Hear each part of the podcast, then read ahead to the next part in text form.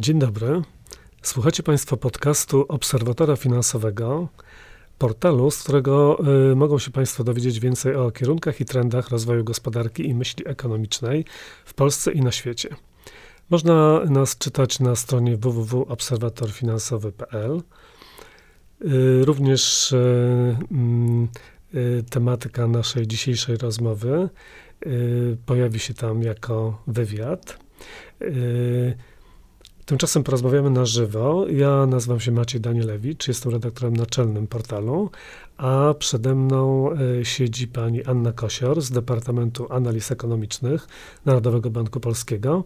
Pani Anna Kosior zajmuje się prognozowaniem otoczenia zewnętrznego polskiej gospodarki. Dzień dobry. Dzień dobry.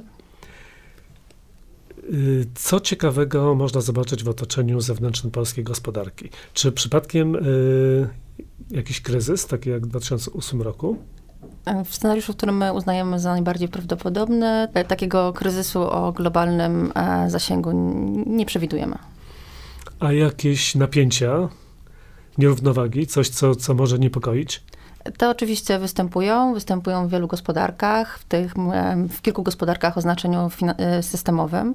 Nas najbardziej niepokoi kondycja gospodarki chińskiej, w której przez lata wysoki wzrost gospodarczy był utrzymywany kosztem e, silnego przyrostu zadłużenia, silnego wzrostu kredytu.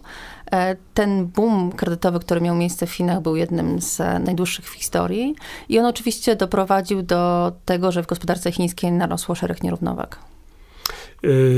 Czy te równowagi mogą doprowadzić do dużego kryzysu, na przykład takiego jak w 2008 roku? On się odbije jakoś bardzo szeroko na świecie? To będzie oczywiście zależało, znaczy po pierwsze, e, nierównowagi e, w Chinach, które obecnie obserwujemy, one niekoniecznie muszą stać się źródłem kryzysu.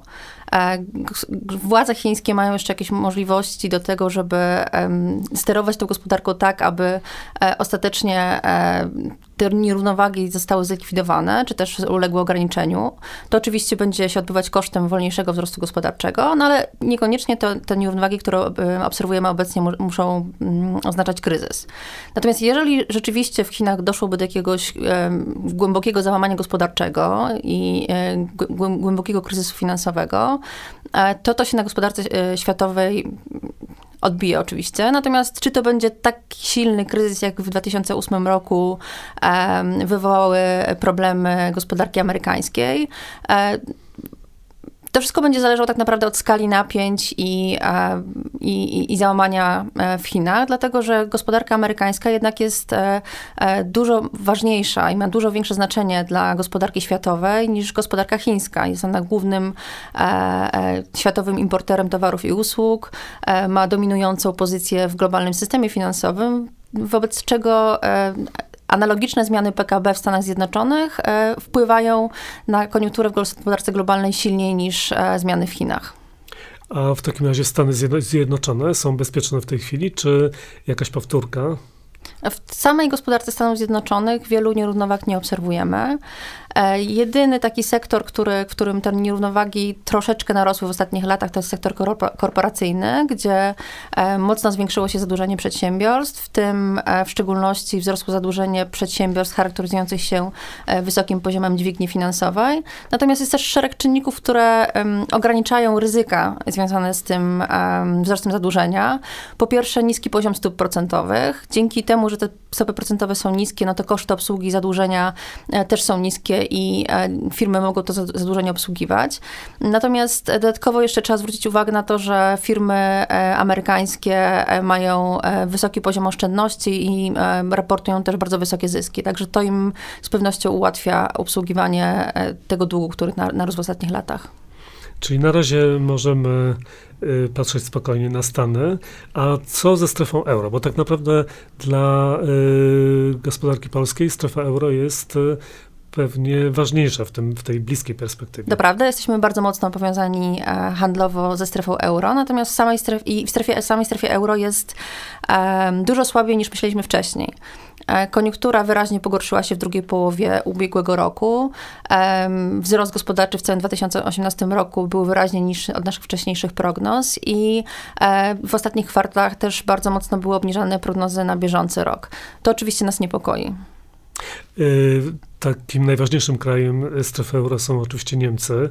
Y, tam na początku roku nastąpiła poprawa sprzedaży samochodów, a y, no, podaje się jako pewnik, że sprzedaż samochodów, produkcja samochodów i ich sprzedaż to jest czynnik bardzo silnie oddziałujący na gospodarkę niemiecką.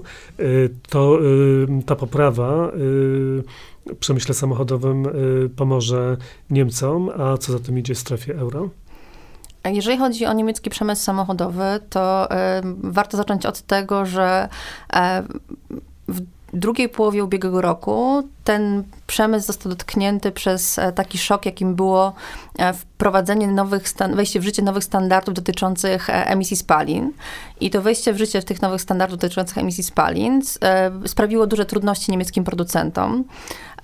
Nie byli oni w stanie szybko dostosować swoich modeli samochodów do tych nowych standardów, co spowodowało zaburzenia produkcji, spadki produkcji, spadki eksportu. A więc oczekiwaliśmy, że wraz z tym, jak te, ci producenci będą się dostosowywać do tych nowych standardów emisji, E, produkcja i eksport będą wracały do normalnych poziomów.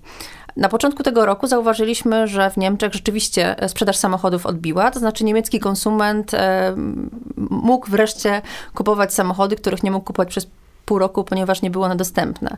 Natomiast produkcja i eksport pozostały słabe. I tutaj wydaje się, że przyczyną tej, tej słabości produkcji eksportu jest spowolnienie popytu w otoczeniu zewnętrznym.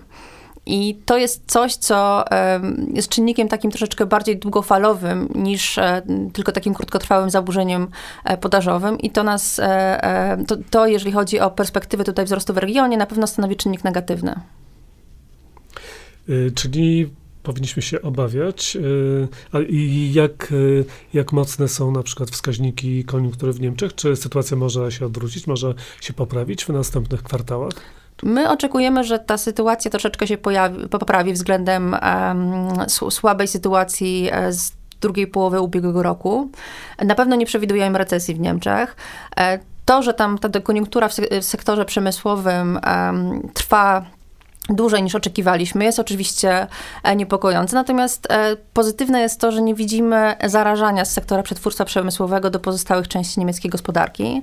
E, sektor usług trzyma się mocno, konsumpcja i uwarunkowania wzrostu konsumpcji pozostają dobre. Także gospodarka niemiecka według naszych prognoz będzie rosła wolniej niż, niż e, e, istotnie wolniej niż e, to prognozowaliśmy w ubiegłym roku, natomiast no, nie przewidujemy recesji. A czy Niemcom pomogą inne duże kraje strefy euro, na przykład Francja? No, we Włoszech wiemy, że niekoniecznie będzie dobrze. Francja to duża gospodarka. Jeżeli chodzi o perspektywę wzrostu Francji, to jest tam kilka czynników, które e, ben, można uznać za pozytywne. E, w szczególności wzrost będzie wspierany e, w istotnym stopniu przez zmiany polityki gospodarczej. Protesty żółtych kamizelek spowodowały reakcję władz w postaci wprowadzenia instrumentów fiskalnych, które dosyć mocno poprawiają sytuację dochodową osób o, o, o najniższych dochodach i emerytów. Wchodzą w życie w tym roku zmiany podatkowe obniżki podatków. E, materializują się e, efekty reform, które były wprowadzone w ostatnich latach przez e, prezydenta Macrona i to przekłada się pozytywnie na perspektywy wzrostu Francji. Jednak wzrost na poziomie 1,3% w skali roku to nie jest coś, co mogłoby jakoś mocno pociągnąć całą strefę euro. Sytuacja może nie jest najlepsza, a jak wpłynie w takim razie na nasz region i na Polskę? Jeżeli chodzi o, o gospodarki regionu, to warto zwrócić uwagę, że to są mm, w większości małe, otwarte gospodarki. To znaczy, że to są gospodarki silnie uzależnione od e, koniunktury w otoczeniu zewnętrznym. Na razie, e, na szczęście, nie widzieliśmy jakiegoś silnego przełożenia spowolnienia w otoczeniu zewnętrznym na e, nasz region i tutaj można wskazać na kilka przyczyn, między innymi na to, że w tej chwili koniunkturę bardzo mocno tutaj pobudzają pobudza absorpcja środków e, z funduszy unijnych, e, także to, że wzrost gospodarczy jest wspierany przez e, akomodacyjną politykę pieniężną, a w części krajów, między innymi w Polsce, także fiskalną.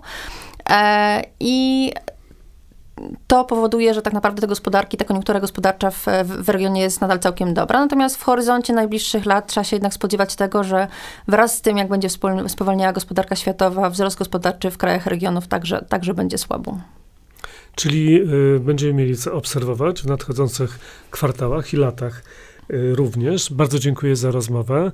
Y, gościem naszego podcastu była pani Anna Kosior z Departamentu Analiz Ekonomicznych Narodowego Banku Polskiego, a wywiad z panią Anną Kosior mogą państwo przeczytać na stronie Obserwatora Finansowego.